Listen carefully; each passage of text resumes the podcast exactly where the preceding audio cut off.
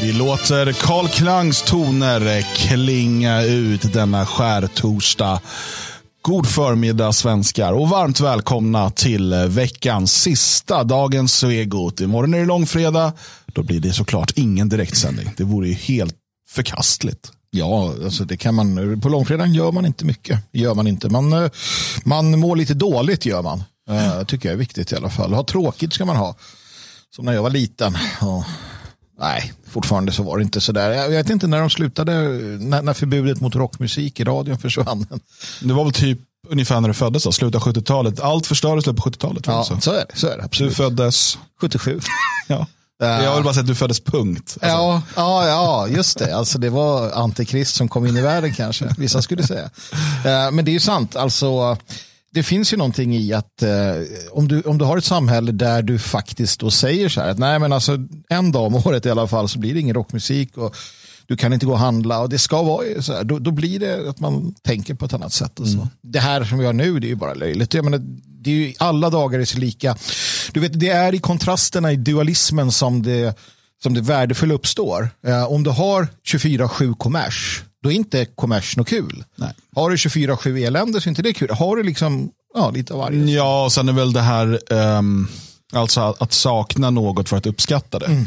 Uh, det är väl samma alltså med överkonsumtion av vad som helst, med säg godis till exempel. Ja, ja, det blir inget, om det, alltså, jag menar lördagsgodis, ja. uh, det är en bra sak, men egentligen borde det vara ännu mer sällan för att man verkligen ska uppskatta det. Nu är det lätt att säga det som vuxen som barn tyckte det var en dålig idé. Men just, det, jag tänker på det nu när vi ska eh, fylla påskägg och sådär. Mm. Så, men, Okej, okay, barnen får godis, men de får fan godis varenda lördag. Vad skiljer det sig från, som sagt? Ja, och ibland någon extra gång om vi är på någonting. Liksom. Ja. Alltså det kanske är två gånger i veckan man får godis. Och så bara, okej okay, nu får ni godis. Så det är liksom i stort sett samma typ av godis. Ja, ja det är det också. Och jag kan tänka mig om det var som, det, som man liksom tidigare då, ja, visst lördagsgodis, men det var kanske var en liten påse. Och nu mm. fick man det här ägget. Mm. Det var ju ja, hur ja. mycket som helst. Kom, så kommer jag ihåg det som barn i alla fall. Ja, men så lördagsgodispåsen när man var liten. Det var fem, sex godisbitar och de räckte, skulle räcka hela helgen. Det var en, en, en 33 centiliters apotekarnas eh, liksom, soda. Det var det som var. Mm. Och, och, det är ju ingenting som man hittar på. Utan, och sen som du säger, då, på, på julen och på påsken, då var det ju, då, då, mängden ökade ju. Det var ju det som var det roliga, att du fick mm. jättemycket godis. Mm. Men nu är ju alltså ett standard påskägg, ja. det är ju mindre än vad det är liksom standard godispåsen. Alltså på, om det nu ens är en påse, jag var inne på en sån där efterfest. Ja, det är burkar. Det är burkar för fan. Ja. Det är ju helt absurt. Ja, jag vet, nu är vi gubbiga, jag vet. Men, men just det där man pratade om varför det kanske finns en poäng i att åtminstone ha en dag där det inte spelas rockmusik och det är dansförbud. Ja. Ja, nu blir det, det har vunnit snarare en religiös underton i det. Jo, jo, precis. Men, men, men, eh, just det här överflödet av saker, mm. då tog vi liksom dans och rockmusik och godis. Men det spelar nästan ingen roll vad det är. Det är som Netflix eller porr eller vad det än är. Jag menar om, om du en gång om året får liksom öppna en, en tidning med lättklädda kvinnor. Mm. Ho, ho, ho, Men när du varje dag har tillgång till det, alltså typ ditt Instagramflöde är ju liksom mer explicit än vad Slits var när, på 90-talet. Ja, kanske ditt Instagram. mitt, Jag sa är... ditt. har du tittat på mitt Instagram? Vad är det här? Ja, man, du vet att man kan se vilka du följer va? Fan också. Det är många som har namn som Destiny och sådär. Candy. Easter Bunny. Santa Woman. Nej, men uh, Santa Woman, det var inget speciellt med det alls. Det var bara konstigt. Clinchen skriver att gubbighet är bland det finaste vi har här i landet. Alltså inte nog med det, det är rätt också. För att som du sa så här, ja, men ja, kolla, han skriver här, eh, eller hon, jag vet inte. Throwback till barndomen och Ellas-katalogen. ja, den, den minns vi ja, alla. Det var underklä- kvinnor i underkläder, ja. bara, wow. wow. Det var ju fantastiskt när den kom. Men, men eh, du sa någonting, du bara, det bara gled förbi, du sa Um, ja, men det där hade liksom religiösa saker. Ja, och det var ju rätt det också. Alltså, hade, de inte, hade de inte riktat in sig på att förstöra Svenska kyrkan, hade det varit bättre. Absolut. Alltså, hade, vi, hade alla dragit med sig ungarna till en svensk folkkyrka varje söndag där alla satt på rad och fick någon form av lite så patriotisk mm. traditionell predikan från en präst. Men det så. finns ingen sån kyrka. Nej, precis. Och därför mm. förstörde man kyrkan. Uh, det var därför man ville förstöra kyrkan, för att vi skulle komma bort från det. Mm. För så var det ju ändå. Även liksom 70, 60. 50-tal, det var lite patriotiskt och lite så här, äh, liksom, ja, det var inte perfekt naturligtvis. Alltså, det hade ju redan slipper slopat sig då, men eh, betydligt bättre än idag. Mm. Allt var bättre förr. Nej, det var det inte. Men, men, men ja. Eh, låt oss eh, lämna den biten helt enkelt. Som sagt, ingen sändning imorgon, ingen sändning på måndag. Vi är tillbaka, vi återuppstår på tisdag för att återigen dö nästa onsdag, men det pratar vi om sen. Precis, det tar vi då. Eh, sen så återuppstår vi på torsdag. Ja. ja. Så att det här är sista programmet inför helgen. Det här är ett öppet program och det kommer bli en blandning av vårt normalt ganska seriösa torsdagsprogram och mm. vårt betydligt flamsigare fredagsprogram. Mm. Så att ni som inte är vana att se dem eh, och höra det, det, liksom det, det, medel, eller det här som bara är för stödprenumeranter på fredagar. Den här flamsigheten, mm. vill ni ha mer av den i framtiden? vi får se. Vi måste kolla om binans pappa bor kvar, eh, trots att det inte är fredag. Ja.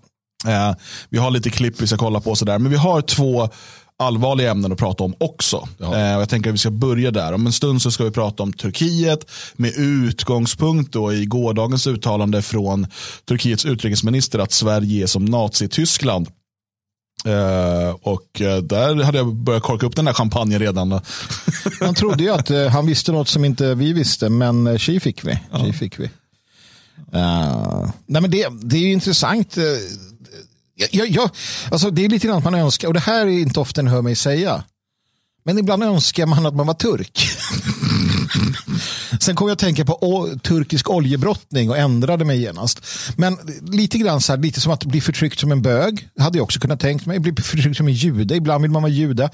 Just nu vill jag vara turk. För att någonstans är man Har du sett de turkiska militärparaderna?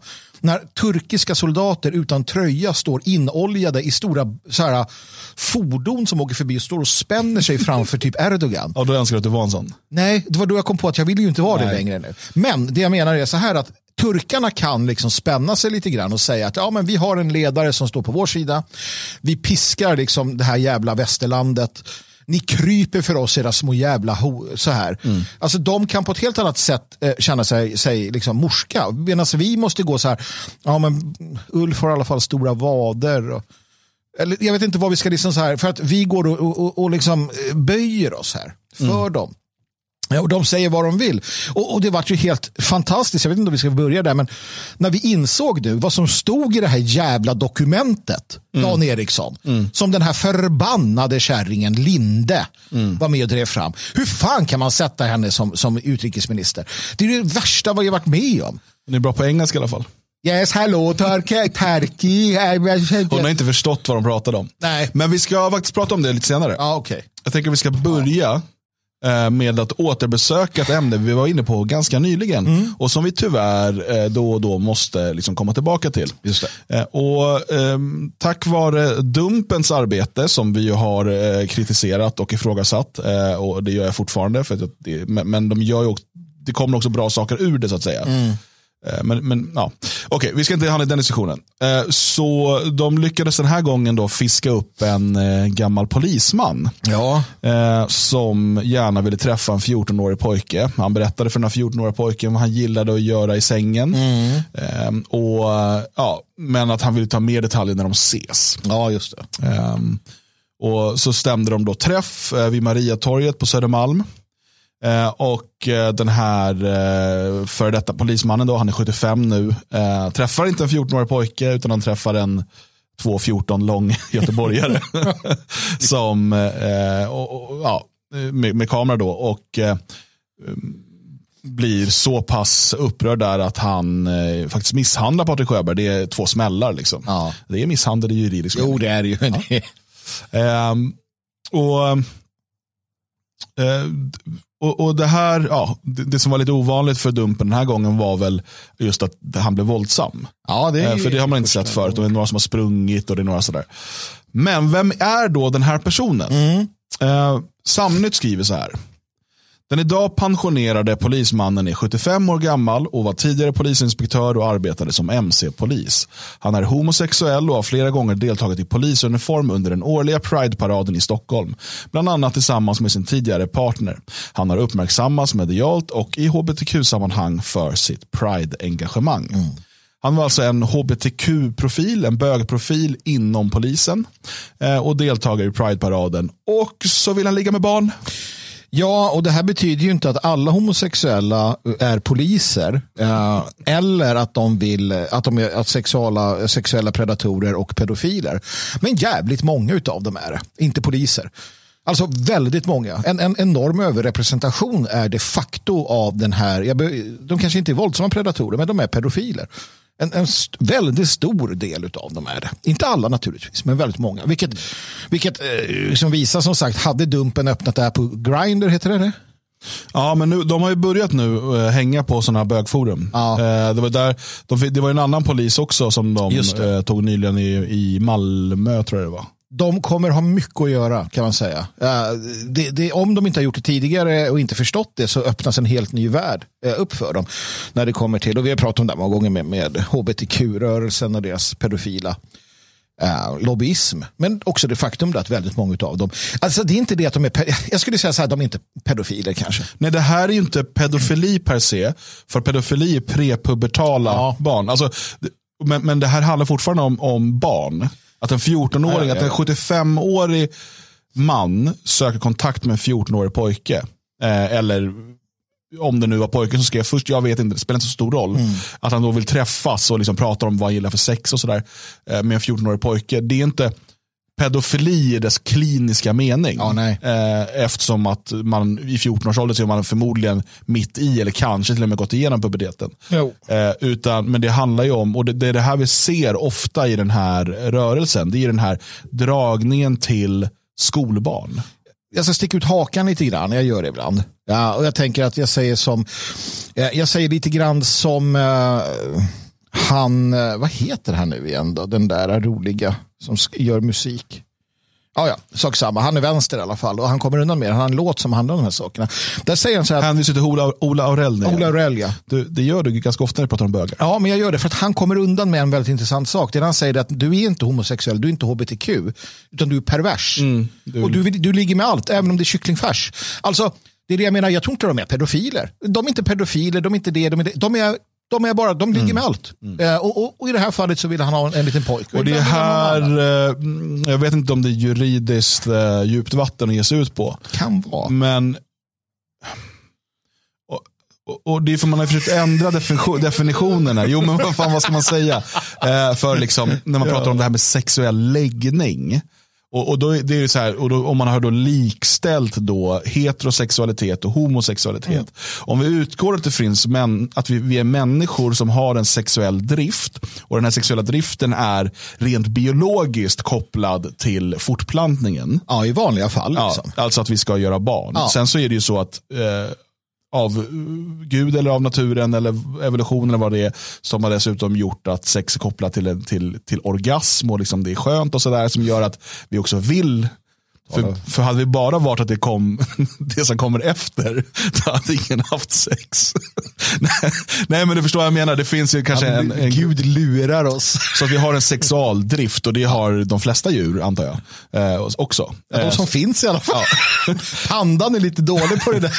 de behöver hjälp. Ja. Men eh, sen så kan ju då människor ha eh, liksom en, en perverterad sexualdrift. Precis, precis. Och istället för att då bara då, eh, söka den här eh, alltså där det åtminstone finns någon teoretisk chans till graviditet. Mm. Så kanske man vill ha sex med alltså man, Ja, men, djur kan ju liksom börja jucka på vad som helst för att den bara, du, äh, du vet, det spritter i dem. Liksom. Tar ditt ben, hunden. och eh, även bland människor så kan ja. ju liksom, okej.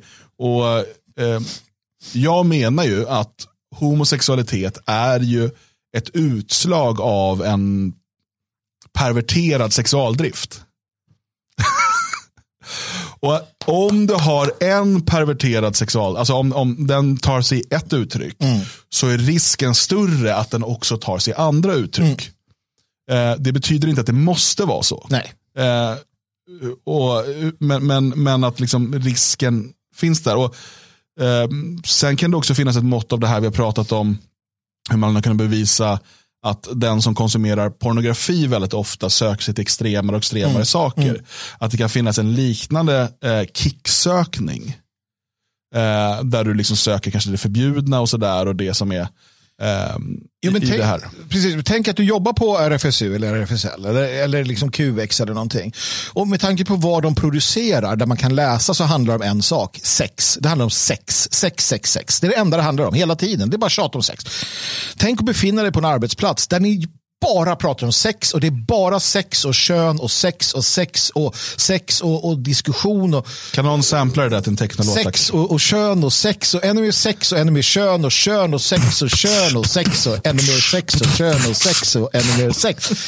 Vad Eh, där det också går ut på att, att gränserna ska förflyttas. Det ska vara revolution mot normativitet. Det ska vara revolution mot det borgerliga, det äckliga. Liksom. Det ska vara progressivt och så vidare. Vart hamnar du då? Jo, till sist vill du ligga med kycklingfärs. Alltså, det blir ju en pervertering utav... Alltså, du, du kommer ju... Du kommer ju Alltså, du kommer hamna där till sist. Även om du är heterosexuell. Alltså, även om du är fullt normal från början så kommer du fan bli galen av det. Eh, det är jag rätt säker på. Precis som att, att porrmissbruket leder till de mörkare Eh, rummen på internet. Och jag menar, det säger ju all forskning. All forskning säger att du tar en helt vanlig mm. man. Mm. Om vi, börjar, vi tar en helt vanlig man och sen så sätter du han med pornografi och bara fortsätter att få det här beteendet. Han kommer sluta med de mest perversa och de mest vidriga Eh, liksom, eh, ja, eh, som, som han, han, han hade aldrig tänkt att han skulle hamna där. Mm. Det, är liksom, det är så, det, för att hjärnan är knepig. Ja, och, och därmed så finns det ju något väldigt oansvarigt och närmast eh, eh, elakt eh, och ondskefullt i att till exempel om människor då eh, ut, man vet om att de har sexuella perversioner. Ja. Att då sätter de till exempel till arbete med barn som rektor på en skola, som finns ett annat exempel på Dumpen, ja. eller som lärare. Eh, vi hade i Elfsborg, eh, i fotbollslaget, så hade man en, en homosexuell som fick ta hand om barnfotbollen. Mm. Han visade sig också vara pedofil. Ja. Och, ja, så, liksom, den här typen av saker. Det finns ju också det, och det brukar Patrik Sjöberg vara inne på, för han har ju själv utsatts då av sin tidigare eh, tränare. Att eh, eh, de här människorna söker sig också ofta till sam sammanhang där det finns barn. Mm. Och då bör man ju vara extra uppmärksam om det kommer en person som uppvisar sexuellt perverterat beteende. Eh, som dessutom söker sig till sammanhang där det är barn. Kräver sig, kräver att få eh, vara bland barn, kräver att få vara ensam med barn, kräver att få läsa sagor för barn, kräver att få ha barn i knän och läsa perversa sagor. Till exempel. Då bör man säga, men vänta nu, du verkar ju vara lite sjuk i huvudet din jävel. Mm. Uh, inte så här, åh det här är progressivt och bra. Mm. För att skulle jag menar, det, och det är ju så att det enda, som, det enda som gör att det här fortsätter, det är ju att de är då eh, HBTQ. För skulle en vuxen man säga, Nej, men jag vill ta fram drulen och läsa sagor för barn. Då hade ju han spärrats in för fan. Mm. Alltså, hade, jag, hade, hade, en, en, van, en, hade en vuxen man sagt att Nej, men jag, jag, jag vill liksom ha bara överkropp på, jag vill komma till er förskola i bara överkropp och läsa sagor för barn. Mm. Det hade inte varit okej. Okay. Såklart. Nej. hade man, varför det? Bara, äh, men jag gillar att ha... Jag är nudist, så jag tänker att jag kommer med min familj. Äh, det är inte okej. Okay. Så länge det är heterosexuellt så är det inte okej okay, naturligtvis. Mm. Men av någon anledning så är det okej okay när det är homosexuellt eller hbtq+. Vilket säger någonting precis som du var inne på som Patrik Sjöberg har pratat om. Vilka mm. drar sig till barn. Mm. Ja, och... Uh så att eh, vi får se här om det kommer något uttalande från polisen, det lär det inte göra. Om nej. det kommer något uttalande från hbtq-rörelsen, det lär det inte göra. Nej, nej. Eh, precis som att, och vi pratade om det här, det var inte länge sedan nu, liksom, hur man eh, medvetet och aktivt har valt in liksom, pedofilförespråkare, till och med dömda sexförbrytare, mm. till att tala eller ha olika ansvarspositioner, upphöjda positioner inom eh, RFSL, inom Pride-rörelsen och så vidare. Men glädjande, Dan Eriksson, berättade du för mig att eh, det här programmet som du ville börja titta på, uh, som, som du såg fram emot, Drag Race eller vad det hette va? Ja, jag gillar ju snabba bilar. Ja, du trodde att det var snabba bilar, men det var ju inte det. Det var något helt annat. Men tydligen så var det ingen succé va? Nej, alltså jag har fått höra, jag, jag har inte liksom gått djupare på det, men jag hörde i förbifarten att det var väldigt eh, nedstämd stämning mm. eh, på eh, på SVT. För Mm. att det var, var rekorddålig publik på den här drag queen-programmet. De har ju satt det på prime time, liksom, Mm. åtta eller nio på fredag eller lördag kväll. Liksom. Eh, så att det ska nya familjeunderhållningen. eh, och jag har sett reklamen för den dyker upp hela tiden när man, om man kollar på någonting på SVT och det är dumt att göra märker jag. För då är det, om man ska kolla på det på, kolla på oss på SVT Gay, SVT Play. Så, åh, Det är roligt för de leker med orden. Eller jag vet inte. Men du, eh, det var ju så att Sveriges Television, eh, de har ju nu lagt ett eh, lås på de första två programmen, eller de första minuterna av de första två programmen eller någonting. För att det, det, det kunde vara skrämmande för barn har de kommit fram till på SVT Gay. Nej, jag menar SVT Play. Problemet var bara att det funkade inte tydligen. Alltså så att det ska vara, men fortfarande kunde barn titta på det då. Men det är ju bra i progressiva Sverige. Det är ju klart, vad fan, häng fram. Jag såg en bild från det där jag visade dig den också. Det var ju så riktigt bisarrt. Eh, men men eh, ja, vi får väl se. Men det säger ju någonting. Det, eller det säger ju allt när det här liksom blir. Från bögar till turkar är steget inte långt. Från, Nej, men det är det inte heller. Alltså om vi tänker på Du den här paraden. ja, oljiga män och Alltså turkisk oljebrottning. turkiska bad. Turkiska bad, ja Det är, ju, precis. det är ju den håriga varianten av bastuklubbar kan man säga. Eh, och eh, jag har gjort mig ovän med turkarna, jag ska förklara varför sen. Jag skriver lite om turkarna och jag har fått, turk, eh, jag har fått näthat från turkar. Har du fått turk-twitter på dig nu också? Turk-twitter är på mig. Du lyckas ju alltid. Tänk när du fick den här. Tänk när du, när du fick hela, hela jävla Rinkeby. När jag gjorde jättebrottarlena. Ja, det var alltså Dan Eriksson, mannen ni ser framför er, som Jag gjorde... fick en fatwa, det var någon jävla Ja. imam som, som, som pratade om mig. Det var jätteläskigt. Du gjorde jättebrottarlena och det vart en succé. Och du fick en fatwa. De, de gjorde så här, Blatte-Twitter gjorde, eller Blattenätet gjorde sådana här, äh, Jag tror, jag tror att det var Program. Facebook de körde mycket på då. ja. Och bara, den där, den är liksom, den döda honom. Han, han säger dumma saker om jättebrottarlena. Fast nej, de kallar inte henne fantastisk jättebrottarlena. Har någon jättebrottarlena så jag vill gärna se Den den. finns. Jag vet ju att eh, massa Sverigevänner på att sprida den sen, men de klippte bort slutet där det står motgift. Ja, precis. För det, det var ju inte, det ville man ju inte berätta att det var vi. Att det var vi som hade gjort den. Nej. Ibland blir man bitter på folk, jävla CP. Ja, men det var Dan Eriksson som gjorde det. Jag, Men- satt mitt, och jag kommer ihåg, jag sa till dig, när du satt och gjorde det där, det jag tittade på, jag bara, du kommer få en bulla på dig. Det här, nu, nu är vi ute på hal is. Tack och lov så att vi är i Tyskland. Eh, för att då kan de inte hitta dig.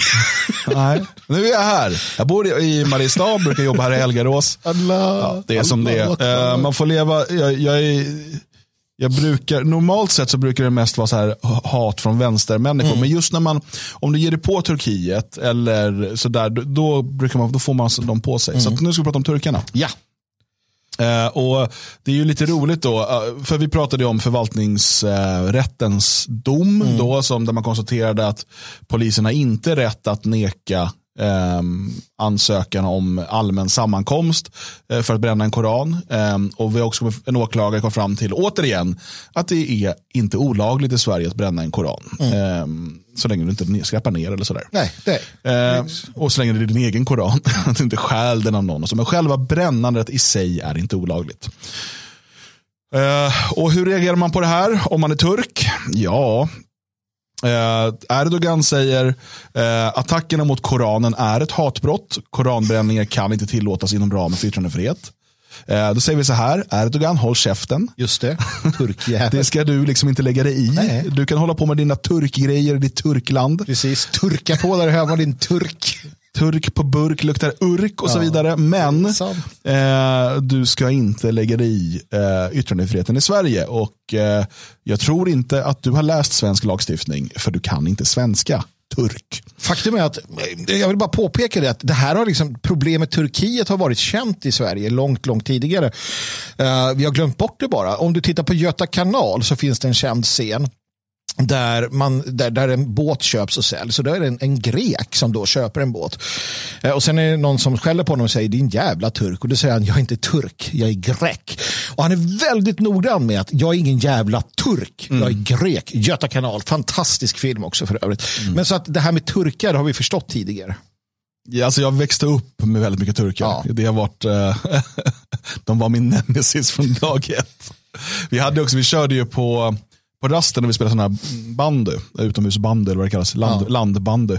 Ehm, då körde vi alltid svenskarna mot turkarna. Svenskarna var ju polackerna med, och finnarna och sådär. Turkarna, det var ju turkarna och somalierna. Och, det var svenskarna mot turkarna. De flesta var turkar och vi de flesta av oss var svenskar. Ehm, jag minns det. Jag, också, jag minns också en gång när vi vann och jag, jag gick ner på knä. Där fick ni turkjävlar! Och sen var det slagsmål. Det var kul. Femman typ. ah, ja. Eh, livet är som det är. Eh, och, eh, men det var inte bara Erdogan då som uttalade sig utan även då utrikesminister Cavusoglu. Mm, Cavusoglu. Mm. Han eh, säger, eh, han menar att det, var, att det är ren rasism och så säger han så här. Nazisterna. man vet att när någon börjar så, då kan man, då kan man ta resten på allvar.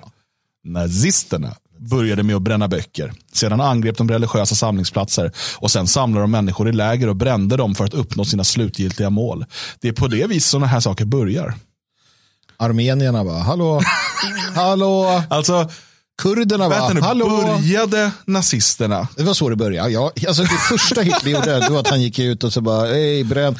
Det här med SS Hansar och de här muslimska bosniakerna som var i SS, imamerna, fältimamerna i Wehrmacht. Ja, det var ju lite för mångkulturellt för många smak, alltså Nazityskland, måste jag säga ändå. Men, men, men alltså, det började väl inte med att man brände böcker? De där jävla bokbränningarna, en gång. Ja, en gång, ja. var studenter, det Ja. var inte partiet.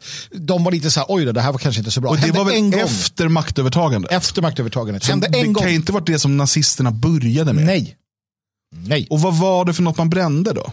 Det var ju skit. Det var ju framförallt sån här hbtq, trans, eh, psykoanalys. Ja. eh, kulturmarxism. Jag har svårt att se att de brände en koran. Det fanns, alltså, varför skulle de göra det? Alltså, det, fanns ingen, det fanns ingen disrespekt. Du för, hade för, väl både, som både synagogan och, och moskén i Berlin fick ju hålla öppet visst. under hela tiden. Ja, Hitler var ju för fan kompis med, med, med stormuften av Jerusalem. Man har ju träffat honom och grejer. Alltså, det var inga, Men, civiliserade människor håller inte på med sånt där.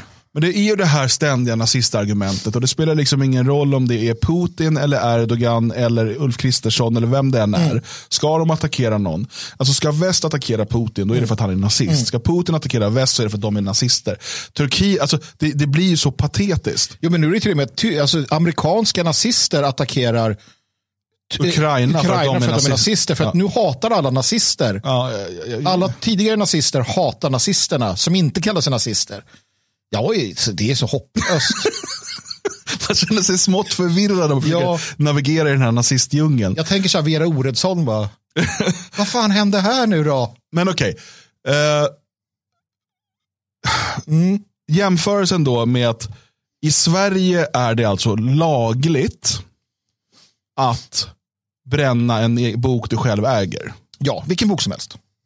Att jämföra det, alltså att säga då att det är ju inte så att Ulf Kristersson arrangerar bokbål. Vi vet. Nej, men det hade ju funnits en poäng i att det, det här är obehagligt om, om vi säger då att regeringen säger så här, eh, stora, Stor- Stortorget i Gamla stan klockan 14.00. Ja, Eh, då samlas vi, ta med er era koraner, vi ska alla samlas och elda koraner. Ja, Ulf Kristersson kommer in där, liksom. koranen lika stor som han själv. Kastar in i glädje. Ebba Busch dansar någon typ av liksom, regndans runt omkring, men det hjälper inte. Nej men alltså, då hade det funnits anledning till att muslimer säger så här, "Men hallå, vad håller ni på med i Sverige? Det här är ju, så här kan ni inte bete er. Eh, och det här känns som att det här är början på någon typ av folkmord faktiskt. Ja, Jag hade förstått den oron då. Absolut. Men här har vi alltså en hbtq-dansk Ja. som, som är provokatör. Som så här, jag vill, jag vill bränna koran. Och så säger de, ja du får det, det är väl onödigt, men du får det, det är liksom, du har yttrandefrihet. Yeah! Så, ja, det var så här det började med nazisterna. Precis, det var en kille som Paludan som gled runt i Tyskland. Nej, men det, det är klart att, att eh, jag vet inte om turk, turken, eh, Turkey som jag kallar dem för. Eh, Alla har ju slut, alla, alla har börjat kalla dem för något annat nu såg jag. De heter inte Turkey längre. Nej, de, nej, de har själva bestämt att ja. de inte ska heta det på engelska. Nu heter de Turkiet. Turkiet, och, och det är lugnt. Kan man byta kön kan man byta namn på landet. Ja. Krym heter det numera. Förut i början hette det Krim, nu heter det Krym. Ja, just det, för nu ska man använda ukrainsk stavning. Ja. Visa solidaritet. Det är så här, jag vet inte om det är snäppet under eller över det här att ha en ukrainsk flagga i namnet. Ja, jag vet inte. Ja, Okej, okay. uh, eh, jättebra. Vad gör du för skillnad? Ja. Krym. Krym, nu jävlar. Nej, men eh, som sagt, turkarna är ju bra på, på det här. Att, eh, att eh, Eh, liksom spela på västerländsk eh, angst över att vara nazist. Det är mm. faktiskt det det handlar om. Det är ju ren propaganda. Uh, de har ju inga problem med folkmord. De har inga problem med, med liksom, att bränna böcker. De har inga problem med att spotta på kulturarv. De har inga problem med, med diktatoriska lagstiftningar. De har inga problem med att, att attackera Europa, vilket Turkiet gör. Turkiet attackerar Europa ja. hela tiden. Um, och så vidare. Utan det är ju rent att de spelar på den, den det ångestladdade som finns i västerlandet i Sverige i synnerhet att bli kallad rasist eller nazist. De vet att spela på detta för det funkar. Det funkar. Det gör det. Till och med det här absurda funkar. I, i liksom en förlängning så gör det det. Jag är helt säker på det. Visst, media kommer nu säga, ja, men de rapporterar ju om det. Någon kommer bara, jo men det är ju, de har ju lite, alltså det finns den, den själv, självbedragelsen här tror jag. Mm. Ja, och det finns ju också då att, att Turkiet försöker läxa upp Sverige i liksom religiös tolerans. Mm. Det är ju det är nästan parodiskt. Mm. Eh, med tanke på att jag menar, Turkiet är resultatet av religiös intolerans, av religiös ex, expansion eh, och inte minst av liksom hundratals år av förtryck, förföljelse och under vissa tider fördrivning och folkmord på framförallt kristna. Mm. Det är liksom det som Turkiet bygger på. Och Visst, eh, man kan tycka att det är larvigt att gå tillbaka till liksom Turkiets eh, alltså det Osmanska riket, det som sen då blev Turkiet, den delen av Osmanska riket. Eh, och, och liksom erövringen av Konstantinopel i, i mitten på 1400-talet och sådär. Jag tycker att det är relevant, men man behöver inte gå tillbaka så långt. För du har sen hela perioden fram till eh, liksom första världskriget och efter första världskriget. Eh, där du har tider av eh, dels etniska rensningar men, men stora, liksom, väldigt mycket förtryck av de kristna folken som fortfarande levde där. Många av de kristna fördrevs redan i mitten på 1400-talet. Eh, när eh, Mehmet den andre och hans eh, eh, Osmanska rike då eh, erövrade Konstantinopel och eh, gjorde om Haga Sofia till moské och eh, gjorde det till huvudstad och kallade det för Istanbul och gjorde det till huvudstad i det Osmanska riket. Eh, och tittar vi tidigt då 1900-tal, både innan, under och efter första världskriget så bedrev man ett eh, stort folkmord på kristna. Mest kända kristna minoriteten under det här folkmordet eh, är ju då armenierna. Men även ehm, assyrier, även greker. Folkmördades i stora nummer. Man pratar om ungefär under den här tiden 3,5 miljon kristna som mördades av turkarna. Och Det här var då leddes av den så kallade ungturkiska rörelsen. Eh, vi, och, och, under den tiden som kristna någorlunda accepterades i Osmanska riket så var det som dimmis, alltså som andra klassens medborgare.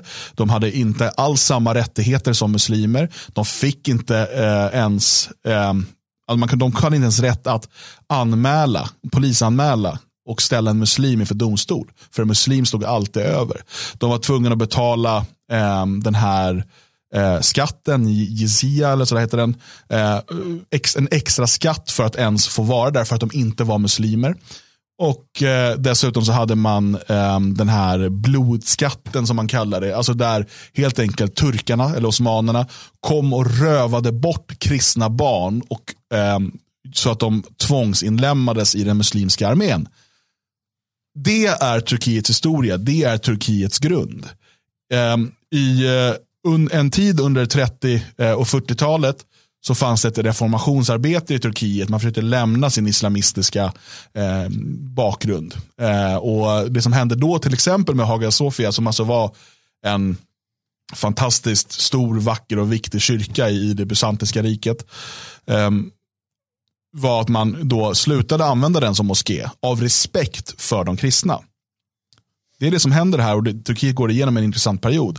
Istället blir det en, en, um, en, vet du, ett museum där man visar upp Haga Sofias både då kristna och muslimska historia. Mm. Sen kommer Erdogan.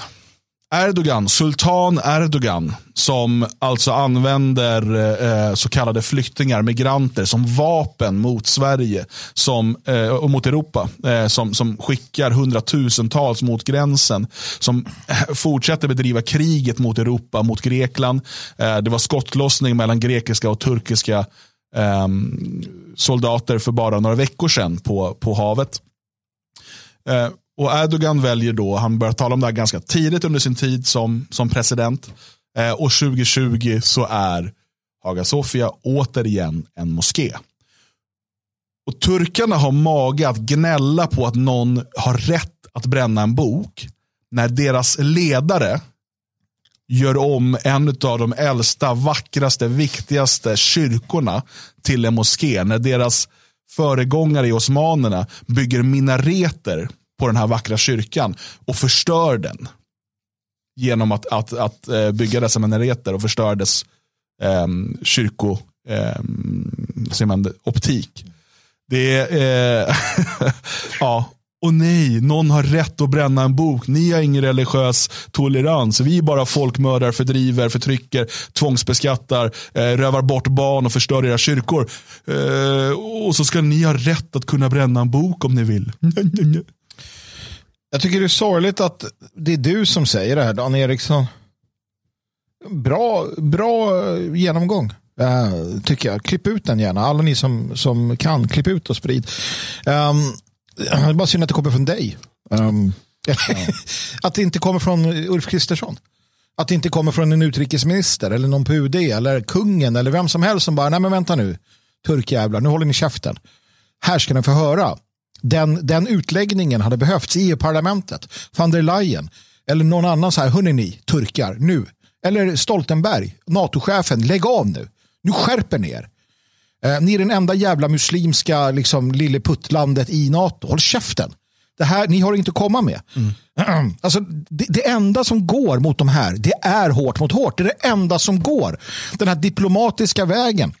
De har ju redan grundlurat oss en gång med det här jävla dokumentet vi läste. Vi ska prata om det, Ann Linde och det. Alltså, vi har redan krypt för dem. Alltså, om vi kryper för dem här så kommer de ta över oss. En så efter en efter en. Och, och, och frågade, vi tittade lite på det här innan.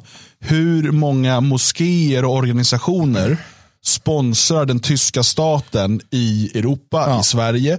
Eh, vi vet återigen Erdogan åker på, eh, har, har tidigare åkt på eh, sådana här talturnéer i Europa där han förklarar för turkarna att de inte ska integrera sig, att de är Turkiets förlängda arm i Europa, de ska skaffa många barn och så vidare. och så vidare. Det är liksom en, en pågående, eh, alltså det är en fortsättning på eh, det Osmanska rikets eh, ockupation av Europa. Mm. Rent juridiskt ockuperar de fortfarande bara Konstantinopel och, och den delen av det som nu är Turkiet. Men i praktiken så håller man på också att ockupera ännu fler delar av Europa. Det finns alltså stadsdelar, nästan städer i Tyskland som är, alltså det är turkiskt. Eh, jag minns första gången jag var på besök, jag tror det var första gången, eller andra gången jag var på besök i Berlin så var jag i de turkiska delarna i Kreuzberg och man hade bara talas om det. Och liksom att gå runt i en stadsdel i det som ska vara Tyskland där allt är på turkiska. Mm. Alla, alltså gatuskyltarna är för fan på turkiska. Mm. Det är liksom okej, okay. plötsligt är du inte. I, I, Tyskland var det väldigt vanligt, i Berlin, eh, beroende på vilken stadsdel du var i, att reklam, sådana reklam på, på liksom reklampelare och sådär, var, var på turkiska. Det fanns inte ens på tyska. Nej. Och så pågår liksom ockupationen hela tiden. Och den, eh, och så, ja. Berlin är väl, jag har för mig att Berlin är Turkiets andra största stad eh, vad det gäller turkiska, hur många som bor där. Men vi kan bara titta på det lite snabbt. Då, då. Eh, 270 moskéer i Frankrike styrs av då, eh, den religiösa myndigheten, Dianet. betyder att man då avlönar dem och så vidare. Um, Nederländerna så är det 146 moskéer. I Sverige 9 moskéer uh, med imamer som avslö- alltså avlönas då från Turkiet. Mm. Uh, och uh, ja, så i Tyskland som du sa då, det är närmare, och det här är alltså 2008, mm. 900 moskéer. så det är säkert, och det, det, är så att den här, den här myndigheten då, den, den ger ut en egen, en egen koran andra religiösa skrifter där, där Erdogan hyllas och prisas. Han, han presenteras som en sultan. Um, alltså det finns en turkisk nationalism i detta. Jag skulle vilja våga säga att kanske turkarna har varit bäst på att, att politisera islam. Många så här, oh, salafister och sånt där, det är ingenting. Det är ingenting mot den makt som Turkiet så att säga kan slå runt med med sin version av islam och sin, liksom, uh, sin, sin hemliga polis. De här moskéerna tjänar ju också då som uh, uh, framskjutna Eh, positioner för turkisk underrättelsetjänst och så vidare. Eh, Erdogan själv skrev i sin ungdom att eh, moskéerna i, i Europa är framskjutna baser för liksom, den islamistiska ja, jihad egentligen. Alltså, det är mm. där han kommer ifrån. Jag menar, det är inte så att, så här, om vi ska vara ärliga, Turkiet ska inte egentligen godkänna Sverige i NATO. NATO ska kasta ut Turkiet. Mm, nej, så är det. Um, Staffan rättar mig här. Jag tror att jag råkade säga då att det var tyska staten som sponsrar det, alltså den turkiska staten som sponsrar såklart. Ja, jo. Um, så, att, så det är tydligt. Um, men uh, det, det är så oerhört fräckt. Jag, jag håller helt klart med dig. Sen förstår jag ur det här liksom geostrategiska skälet att man vill ha Turkiet på sin sida.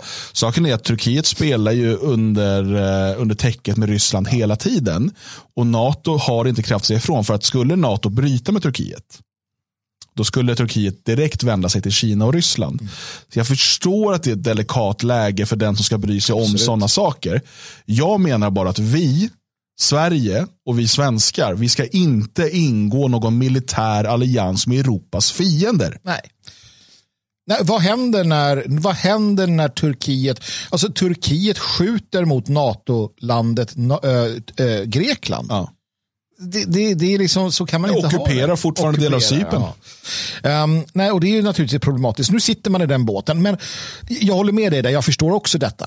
Uh, men då måste man ändå förstå att det enda som duger är en hård diplomati. Alltså, man måste kommunicera med väldigt tydliga Alltså var väldigt tydlig med att nej, men, vi kan er historia, vi vet vad ni har gjort, ni vet vad ni har gjort. Mm. Uh, och, och, nu sitter vi i den här båten och nu så får vi jobba vidare framåt, men vi kommer inte, alltså era hot, era liksom, det, här, det, det, det biter inte på oss. Så mm. sätt er ner nu, ta din jävla baklava eller vad ni äter för någonting och håll truten och så ser vi hur vi går vidare. Uh, de skulle, precis som de där turkgängen du pratar om och så, ställer du upp uh, och, antingen får du ett rejält slagsmål eller så backar de. Mm. mer ofta än sällan backar de när, när den vita mannen ställer sig upp. Ja, eh, vill man läsa mer om eh, Turkiets historia så skrev jag faktiskt om det igår eh, på daneriksson.com. Den heter Turkiets existens bygger, på, existens bygger på ockupation och folkmord. Och då kanske man, om det var lite svårt att hänga med i här, mm. så är det lite mer kronologiskt där för att få förståelse för vad, vad det här faktiskt är för någon skurkstat. Ska definitivt läsas. Du eh, nämnde eh, här eh, eh avtalet då som Ann Linde ja, skrev precis, under. Precis, det är väl, ehm, väl värt att... Vi ska börja med att titta då på ett klipp ifrån eh, Aktuellt tror jag på SVT, där Carl Bildt och Ann Linde diskuterar. Jag vill att alla ni som tittar nu, när ni, när ni hängde med debatten innan och det här avtalet var på, på tapeten, vilken uppfattning hade ni om vad som ingick i avtalet? Mm. För att jag blev faktiskt väldigt så här, perplex. Så här, vad fan, va? För att jag hade en annan idé mot vad vi hör nu. Mm. Det var ju då problemet med, eh, problemet med avtalet som ingicks i juni var ju att det var, som stöddes av dåvarande oppositionen ska ju sägas, det var ju att det var ju obalanserat så tillvida att det var ju bara förpliktelser för Sverige, men Turkiet lovade ingenting. Och det är det som har lett till att vi är i den här besvärliga situationen. Mm. Fel, fel. Därför att eh, det viktigaste som de lovade, det var ju framför allt att vi skulle inbjudas att bli invitee-status. Ja, det, det var ju liksom det som var huvudpoängen med avtalet. De ville ju inte garantera det. Men det kom in i avtalet och då blev vi invitee och det betyder att vi då fick tillgång, ja i princip som medlem fast icke röstande. Men du tyckte det var ett dåligt avtal för det Sverige? Var den hela eh, poängen med det, det och det satt långt inne. Och det är det här du menar?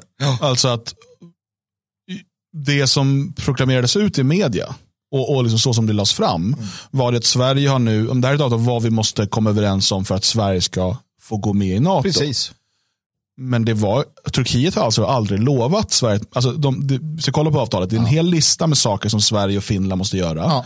Ja. Eh, och allt är bara liksom underkasta sig turkarnas ja. vilja. Men det finns inget löfte om att det ska leda till ett NATO-medlemskap, utan att man ska bli, få det invitee-status, alltså man ska få delta på en del möten och så vidare. Man, man stöd, Turkiet förbinder sig i princip, ja, knappt att de använder det ordet, men att, att då eh, acceptera eh, invitee-status. Mm. Det, det är vad man förbinder sig till. Det är, typ, det, det är det enda Förutom en annan sak med något med, med, att man ska samarbeta med, med polisen. I övrigt handlar det bara om hur Sverige ska ställa hur, hur Sverige ska dra ner byxorna, sära på skinkorna, du vet, eh, servera eh, turken vad han än vill ha. Mm. Det, det, det, det, är så att det, det, eh, det gör ont när man tittar på det här avtalet. Hur fan kan man, alltså att skriva under det, att så att säga, det är förräderi. Förräderi från Lind, det är landsförräderi. Ja. ja, jag säger det. Ja, det gör jag. Eh, och eh, i avtalet då så har, här har Nya Dagbladet översatt det för att originalet är ju då på engelska och det är väl därför kanske man Linde inte förstod vad det var de skrev under. Kan vara, ja. Eh, men det har skrivits under då av utrikesminister Pekka Haavisto, utrikesminister Ann Linde och utrikesminister Mevlut Cavusoglu, han som då säger att Sverige är som Nazityskland. Mm. Um, och där står det ju då bland annat här Eh, att eh, Finland och Sverige bekräftar att PKK är en förbjuden terroristorganisation. Mm. Finland och Sverige engagerar sig i att förhindra PKKs aktiviteter likväl som andra terrororganisationers utväxter och så vidare. Mm. sen skriver man också Uh, Turkiet, Finland och Sverige bekräftar uh, att det nu inte finns några nationella vapenembargon mellan dem. Mm. Vi ska alltså sälja vapen till Turkiet. Uh, kom ihåg, det här är allt som Ann Linde och socialdemokratiska regeringen och oppositionen ja, ja. som stöttade ja, det här gick med på. så här mycket är man beredd att böja sig för Turkiet mot att man får delta på ett möte. Mm. Och sen har vi då Turkiet, Finland och Sverige kommer fram till följande konkreta steg. Um, först är det då en gemensam dialog och samarbetsmekanism.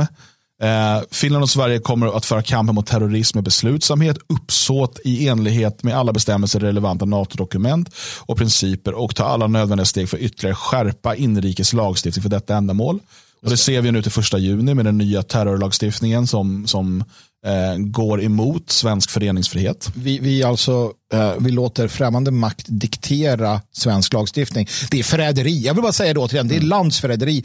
Om du låter främmande makt diktera hur du skriver dina lagar då har du gett bort din, din suveränitet. Mm. Om en politiker eller en stat ger bort suveräniteten så är det landsförräderi. Samtliga regeringen, samtliga partierna bör per omgående arresteras, åtalas för landsförräderi och en, en ny regering bör tillsättas. Det är landsförräderi. Varför gör inte Säkerhetspolisen någonting? Militär underrättelsetjänsten gör ingenting. Generalerna gör ingenting. Eh, sen står det också Finland och Sverige ska hantera Turkiets väntande deportations eller utvisningsönskemål av terrormisstänkta snabbt och grundligt med hänsyn till information. Bla, bla, bla. Eh, och det här är ju då kurderna som de vill ha. Mm. Kom ihåg nu att i Turkiet befinner sig en massa kriminella efterlysta människor, alltså som är efterlysta i Sverige. Bland annat då den så kallade kurdiska räven. Mm. Eh, som ju då eh, svensk polis lät åka utomlands medan han var, på, var frivilligt, eh, fri, eller eh, vad heter det, fri, frigång eller vad, vad, vad heter permission? Det? Nej, utan man kommer ut efter två tredjedelar så är man ja, villkorligt fri.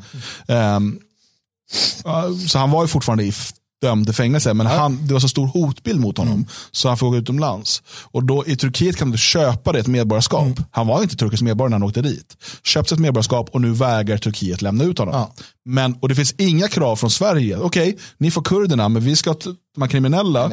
Eh, han sitter nu och står styr eh, stora delar av eh, gängkriminaliteten i Sverige. Från Turkiet. Yes. Inga krav på det. Utan bara vad, vad, vi, hur, vad vi ska ge Turkiet. Då. Mm. Eh, så står det också Finland och Sverige ska undersöka och förbjuda all finansiering och rekryteringsaktivitet från PKK och andra terroristorganisationer och deras förgreningar. Liksom grupper som är kopplade till eller inspirerade av dem. Turkiet, Finland och Sverige förpliktas att bekämpa desinformation och hindra sina inrikes lagar från att utnyttjas för att främja eller gynna terroristorganisationer, inklusive genom aktiviteter som framkallar våld mot Turkiet. Mm. Alltså, det, det låter kanske som fikonspråk, men vad det faktiskt är de säger är vi ska förbjuda allt som kan vara dåligt för Turkiet. Mm. I Sverige får inget som är dåligt för Turkiet existera på något sätt.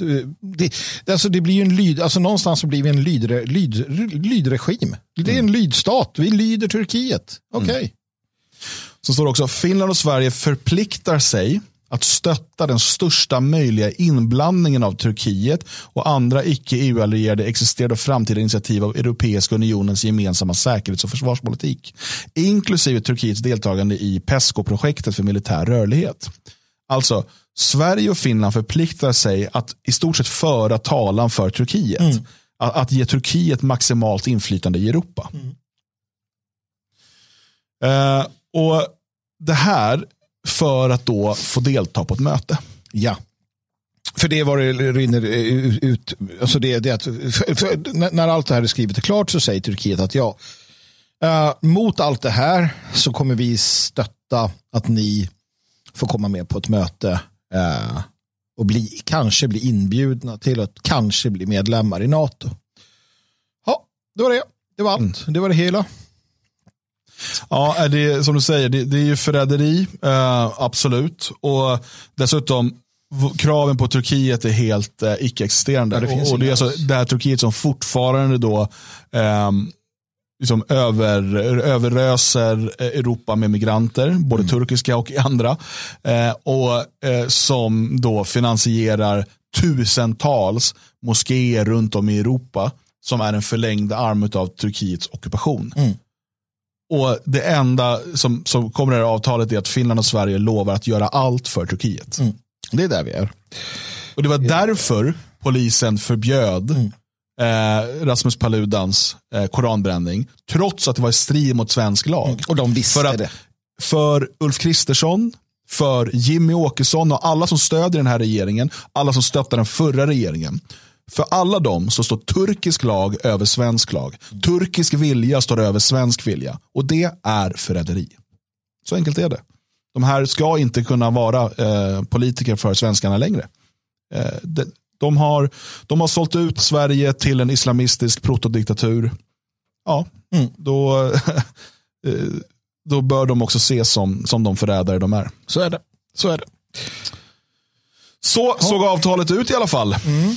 Ska vi försöka vända på det här nu? Ja, vi vänder på det nu. vi vänder blad. Nu vänder vi blad. Vi gör som, vi gör, vi gör som ja. uh, kungen. Ja, precis. Men det är påskvecka. Nytt lidande. Eller har han flyttat någon annanstans? Ja, det vet vi inte. Nu måste vi kolla det här. Eller behöver vi kolla det här?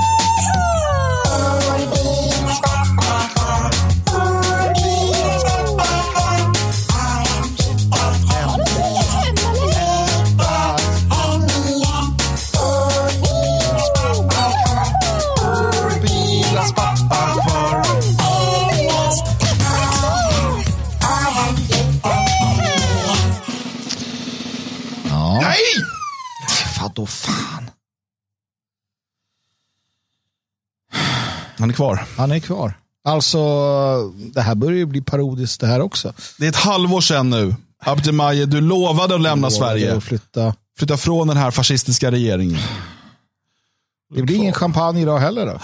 Vi har inte fått in eh, tillräckligt med pengar för att köpa en champagne. Nej, det är dåligt av er. Vi tycker att det är väldigt påsk. Nu, kan ni, nu är det påsk, påskgåvan. Vi försöker samla in eh, till en eh, champagne av bästa sort. Minst gula änkan. Som, ja, som vi kan ha stående i, i kylen och sen ta fram här inför varje fredag normalt sett då. Mm. När vi eh, ska kolla. Och när bilans pappa äntligen har flyttat, då kommer vi att öppna champagnen helt enkelt. Precis. Eh, men vi kan, det har kommit in eh, 200 kronor ja. tror jag totalt. Ja. Simon K, Leif J och Linus A.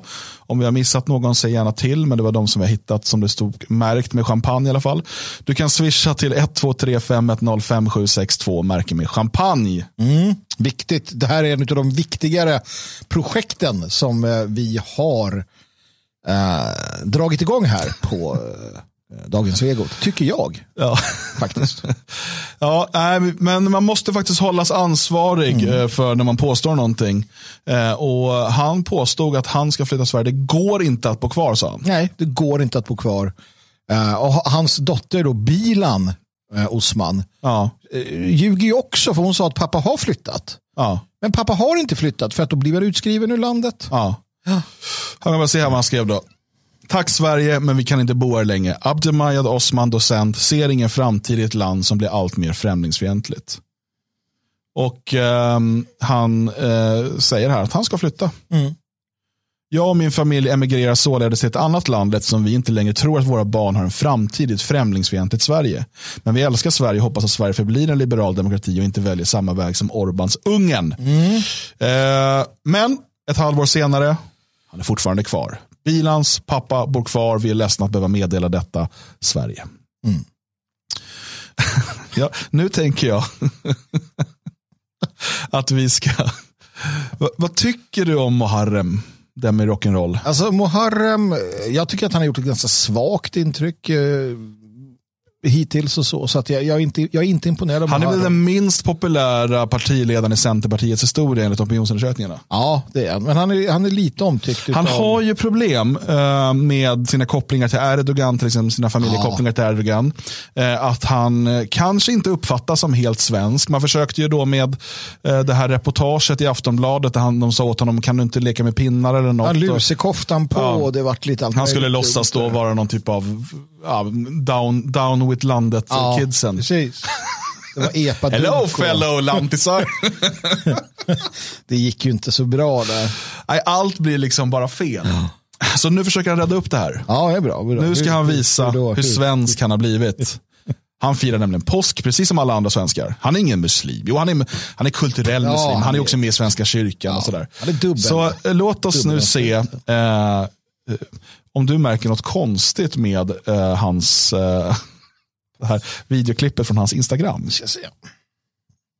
Nu ska vi se om vi kan få någon ljud på den där, för det vore lättare. Mamma och pappa, så jag är inte helt säker på vad det är här i. Men gud... Vänta. Nu är det dags att påskpynta. Nu ska vi se här. Jag har fått en kassa av uh, mamma och pappa, så jag är inte helt säker på vad det är här i. Men en gul duk. Det blir bra. En uh, väldigt påskig duk. Ja. Det blir kanon. Godis från uh, Linköping såklart. Alltid närproducerat. Och mamma och pappa. Påskpynt har ju den eh, egenskapen att det är lite sött och salt. Eh, ja. Den här vet jag inte riktigt vilken kategori jag ska placera den i. Ingen påsk utan eh, påsktruppen. Eh, här! Det alldeles, jag hade ju tänkt att jag skulle ha påskgodis. Det blev inte lite påskgodis. Ja. Men ändå. Han tänkte den där skulle han ha påskgodis. Ja. Just det, det var ju det där med en blandning av fett och salt. Ja, titta vilka fina pynt. Ja. Utan tvekan. Ja. Oj, oj, oj. Här. Jag blev lite, jag blev lite rädd för det. Den ser lite... Är det en påskkalkon? Det tar aldrig slut. Mamma och pappa har verkligen gjort glad påsk. Ja, det, det, här är ju då från second hand. Det är ju farligt. Så här står det glad påsk Ulla och Georg. Det kan vara några släktingar till mig säkert. Men glad påsk Ulla och Georg. Nu är det dags påsk. Okej, okay. jag har så många frågor efter det här. Var det från second hand? Var det där saker som hans föräldrar har köpt på second hand och gett till honom?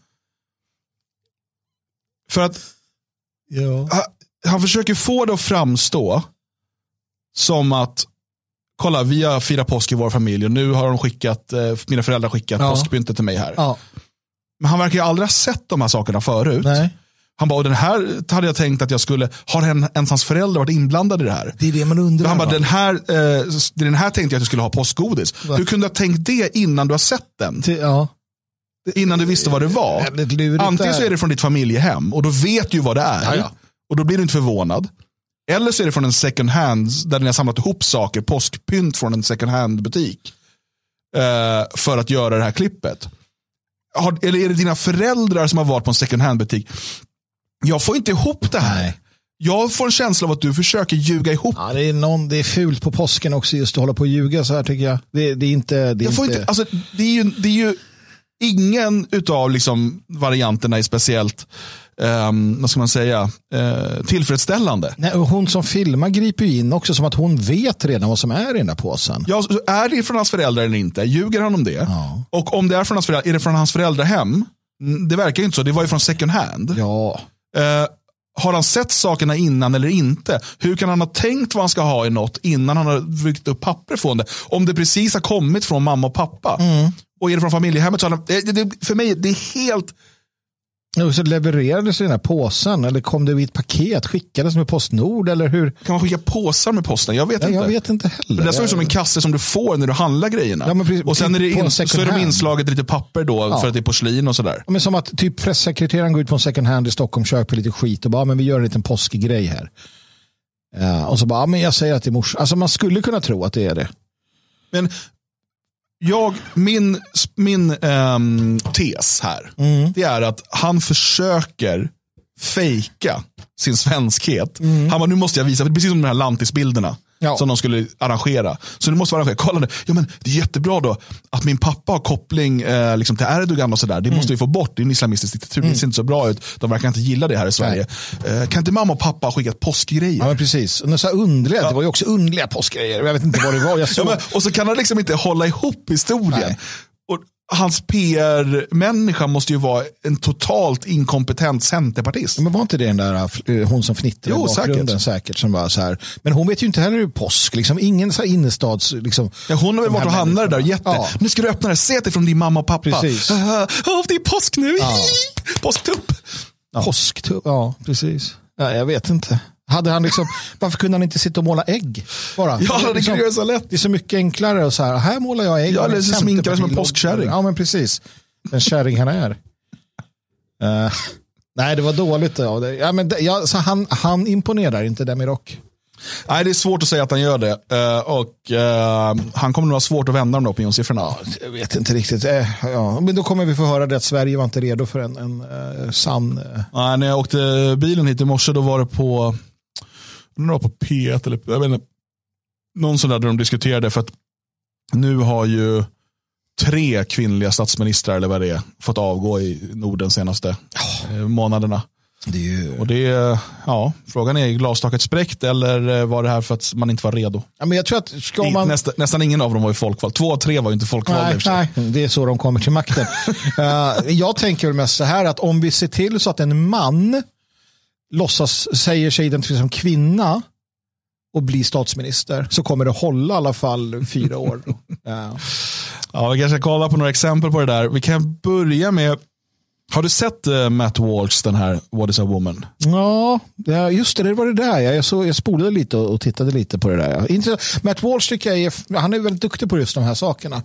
Jag förstår fortfarande inte varför han hänger där han hänger. Uh, lite, hans, han är väl en del av det där uh, nätverket. Uh, med Shapiros, ja. Det, ja, det, precis. Det där ja, vad den heter. Ja. ja. absolut. Och han är ju han är inte nationalist Nej. eller så. Men han är, han är ju konservativ, kristen. Typ. Mm. Är lite, ibland så här, han var ute och, och pratade lite om det här med eh, folkutbyte eller white genocide. Så han har varit mm. inne lite grann på det där. Men eh, nej, så är det. Men, men, just den här What is a woman är ju ah, ja, en väldigt smart och rolig dokumentär. Ja. Och äh, här äh, var ett klipp som du skickade Magnus. Precis. Jag har inte sett det. Det, det, det är egentligen det intressanta är på sluttampen. För att det, det, går lite fram och tillbaka. Hon du ser på bilden där. Äh, ja, men vi kan väl lyssna, det är väl en transa eller? Ja, eller? det är en transa. Okej, vi kan bara lyssna hur det börjar. Ja, absolut. How would you define a woman? Och det där är ju en av hans eh, liksom, huvudsticks, mm. som de mm. säger i Hollywood. Um, alltså att han, han säger, what is a woman? Mm. Och då säger de, uh, anyone who identifies as a woman. Precis. Och då säger han, identifies as what? A woman. Mm. Okej, okay, what is that? And då blir, för det blir ett cirkelresonemang Precis. som inte håller. Nej. Och det är jätteenkelt att liksom slå hål på den där idén om mm. att ja, så det är väl då att nu ska han få definiera då. Kan du definiera då vad en kvinna är? Because you've asked other uh, people up here to define how we would define a woman. How would you define a woman, Mr. Walsh? Uh, an adult human female.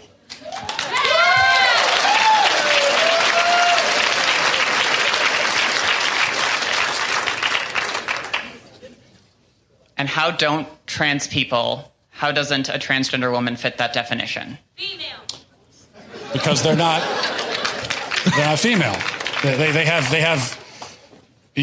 You said that you are a biological male, correct? I said I'm transgender. Um, I might be intersex for all we know. About almost as many people in the world are transgender as intersex, and well, a lot of people don't know. Well, but that's a different conversation. Intersex, that's a genetic anomaly. That's a medical condition. So let, that's a completely different conversation. That's also not a, that's not a third gender. That's just a, that's a genetic anomaly that occurs within the sex binary of male and female. Um, a,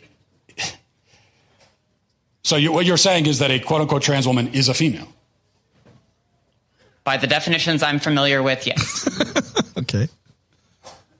Oh. So how would you define female? Through my training in healthcare, there are several different categories for how we define sex. People bring up pr- chromosomes. People also bring up hormone levels. People bring up all sorts of other categories. Lots of people don't fit neatly into a gender binary, even people we don't consider to be intersex. It's a complicated spectrum. it, it's not complicated, but you also didn't you also didn't define. So what is what is a woman? What is a female? What what do these words mean? It's complicated, and I know you're not going to like that answer, but that's because there are no simple answers in human biology. Let me ask you a question. You guys, well, you hang question. on. I, just let me finish. You guys like to bring up high school level biology classes a lot. I get that a lot, but people who go on to more complicated biology classes will talk about sex as a spectrum. Det där är så jävla kul för att det är så här, om man kollar, jag går på universitet. Mm. Så bara, jo men vänta, ditt jävla universitet är infiltrerat och övertaget mm. av kulturmarxister sedan 40-50 år tillbaka. Sedan 68 är det dominerat av verklighetsförnekande, biologiförnekande kulturmarxister. Mm. Vad du har lärt, citat, lärt dig där är fan skitsamma. Det är som att säga så här, Åh, när jag sitter och kollar upp på mitt eget anus, då såg jag att, ah, skitsamma. ja, men det har lika mycket relevans ja. som vad du lärde på något jävla pissuniversitet som är förstört av eh, liksom, anti-europeisk bajs. Det blir väldigt tydligt. Det kommer stökas lite för att han vill ställa en sista fråga. Han kommer få göra det eh, efter ett tag. Det kommer stökas okay. lite där för att hon, han försvinner. Ja, vi får se. Men det är en väldigt viktig fråga och det är faktiskt där allting blir väldigt konkret egentligen. It's not. It's not. Well, biological researchers would disagree with you. Well, and they're full of shit, the ones that would say that. Nej, vi har samma språkbruk. Jag och Matt Walsh är uh, samma, samma person egentligen. There are... All right. There are male gametes and female gametes. Oh, I had one, I had one last question. I, I just have one. I have one quick. Can, we, can, can you come back for one second? Because this is an important question. You said you're an EMT. Yes. Vad är det? Okay, if you're responding, oh. you're responding to a health emergency. Biological male, somebody with a penis, is uh, is having a medical emergency, and they say to you, um, "I think I'm having a miscarriage." Would you would you check them to see if they're having a miscarriage? Would you consider that a possibility for them?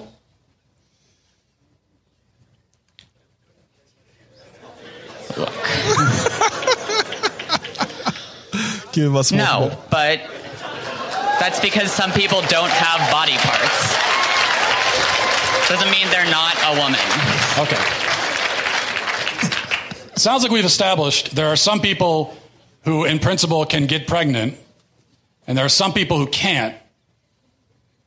So there's two categories, otherwise known as binary. Lots of women can't get pregnant either. Yeah, but they're still of the nature to get pregnant. The only but reason they can't get pregnant. Yes, but truth they... matters, right? It it does. That's what I'm trying to explain to you. Truth matters, and they can't okay. get pregnant. I... That's the truth. So how are they still women? Because they are. for, for this for the same reason for the for the same reason that I that I can rightly say that human beings have two legs, and if a person Jag tänkte på exakt samma argument. Du, du och Matt Walsh är. Det här är obehagligt. Ja, det... Jag kommer snart behöva konvertera till hans konstiga kyrka. Ja. is born with only one leg. That doesn't call into question the statement that human beings have two legs. Okay?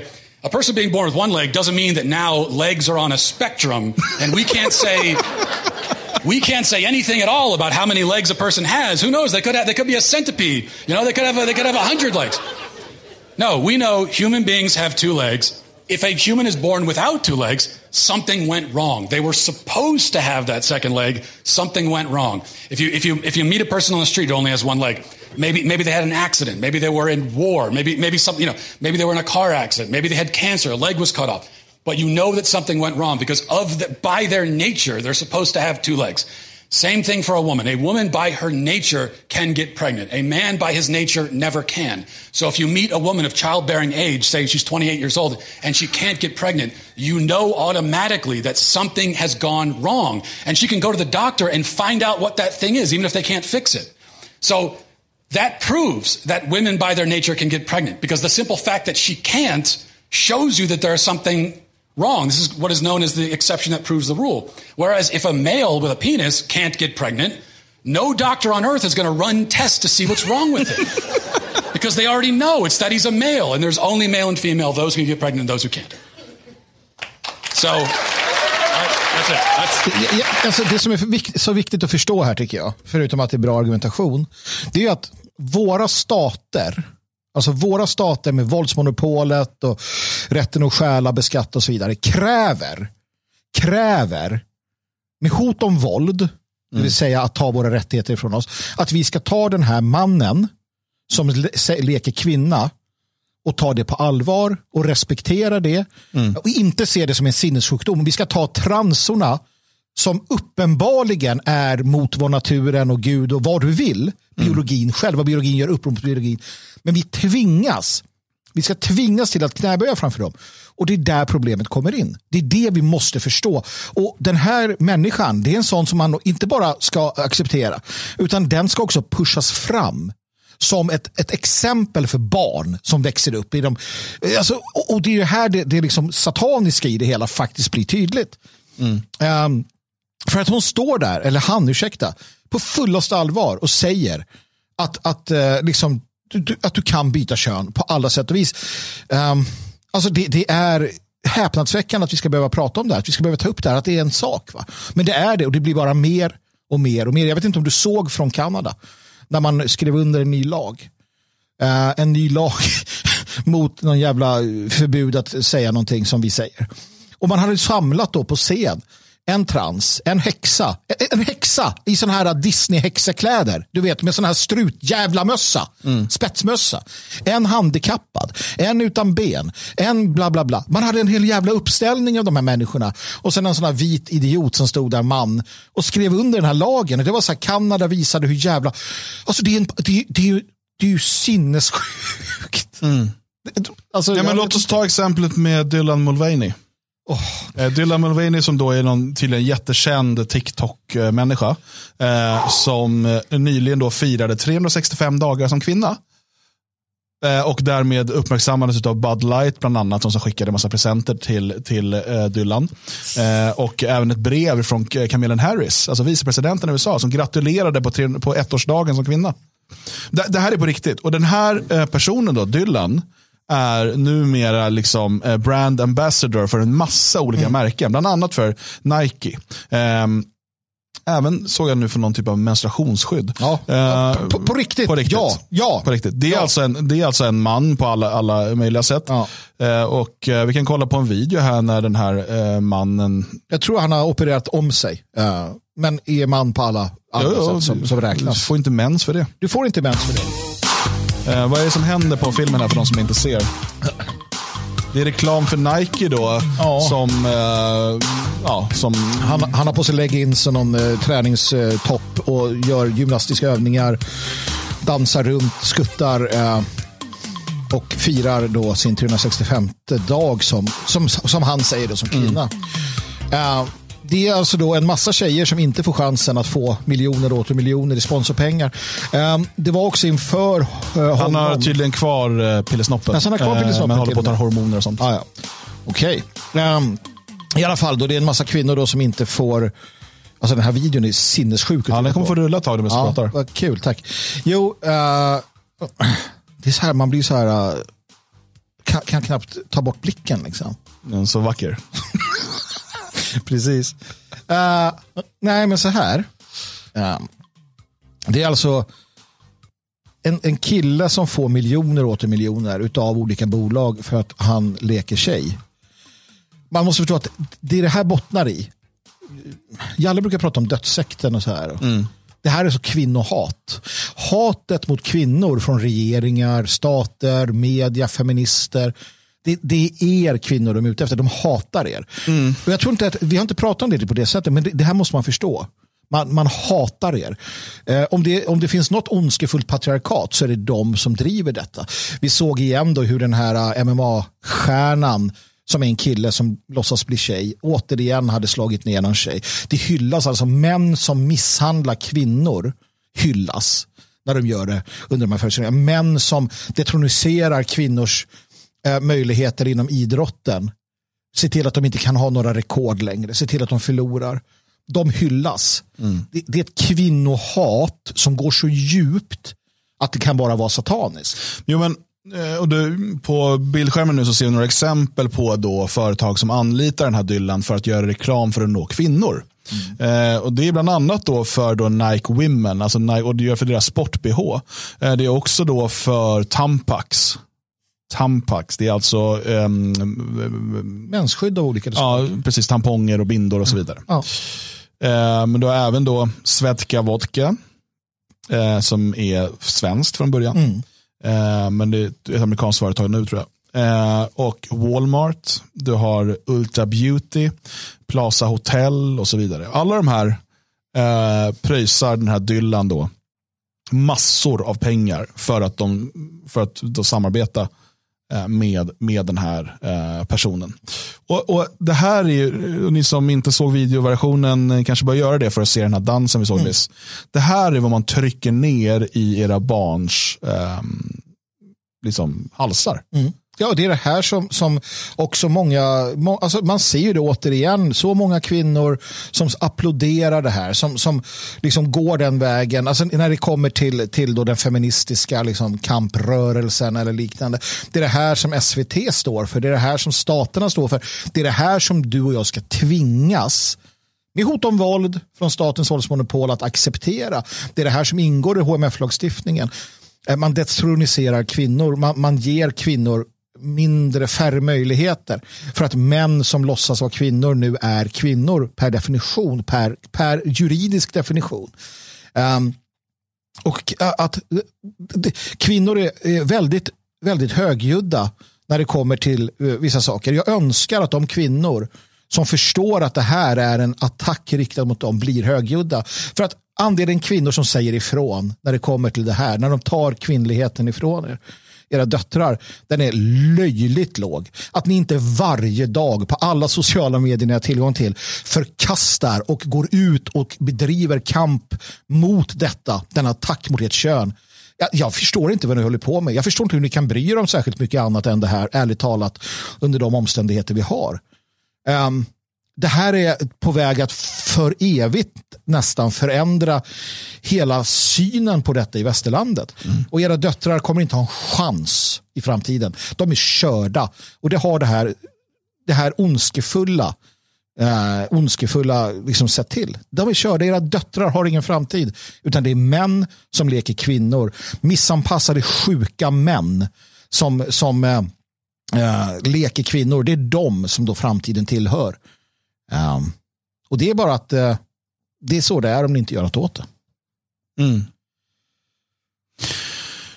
Ja, eh, ska vi avsluta på sån här, det har varit en konstig avslutning på Ja, det blir ju det när man torsdag. lyfter in det här. Och det, det här som exploderat de senaste åren bara. Ja, det är otroligt det är obehagligt. Mm. Men det är värt att tänka på i dessa tider. Det är, det är påsken som sagt, eh, det är lidande påsken handlar om lidande, det handlar om att stå för sina principer. Eh, det är ingen jävla glatt, glad jävla högtid ännu. Det är inte en tid då du ska gå runt och bara oh, utan det handlar om lidande, det handlar om principfasthet, det handlar om att offra sig. Sen kommer liksom um, belöningen när man har gjort det. Um, då kommer festen, då kommer uh, priset. Så stå fast. Och även vi återuppstår på tisdag Eh, då är vi tillbaka efter påskledigheten och vi hoppas att ni är med och tittar eller lyssnar live klockan 10 eller tar del av det i efterhand på svegot.se. Från vår sida återstår bara att önska glad påsk och trevlig helg.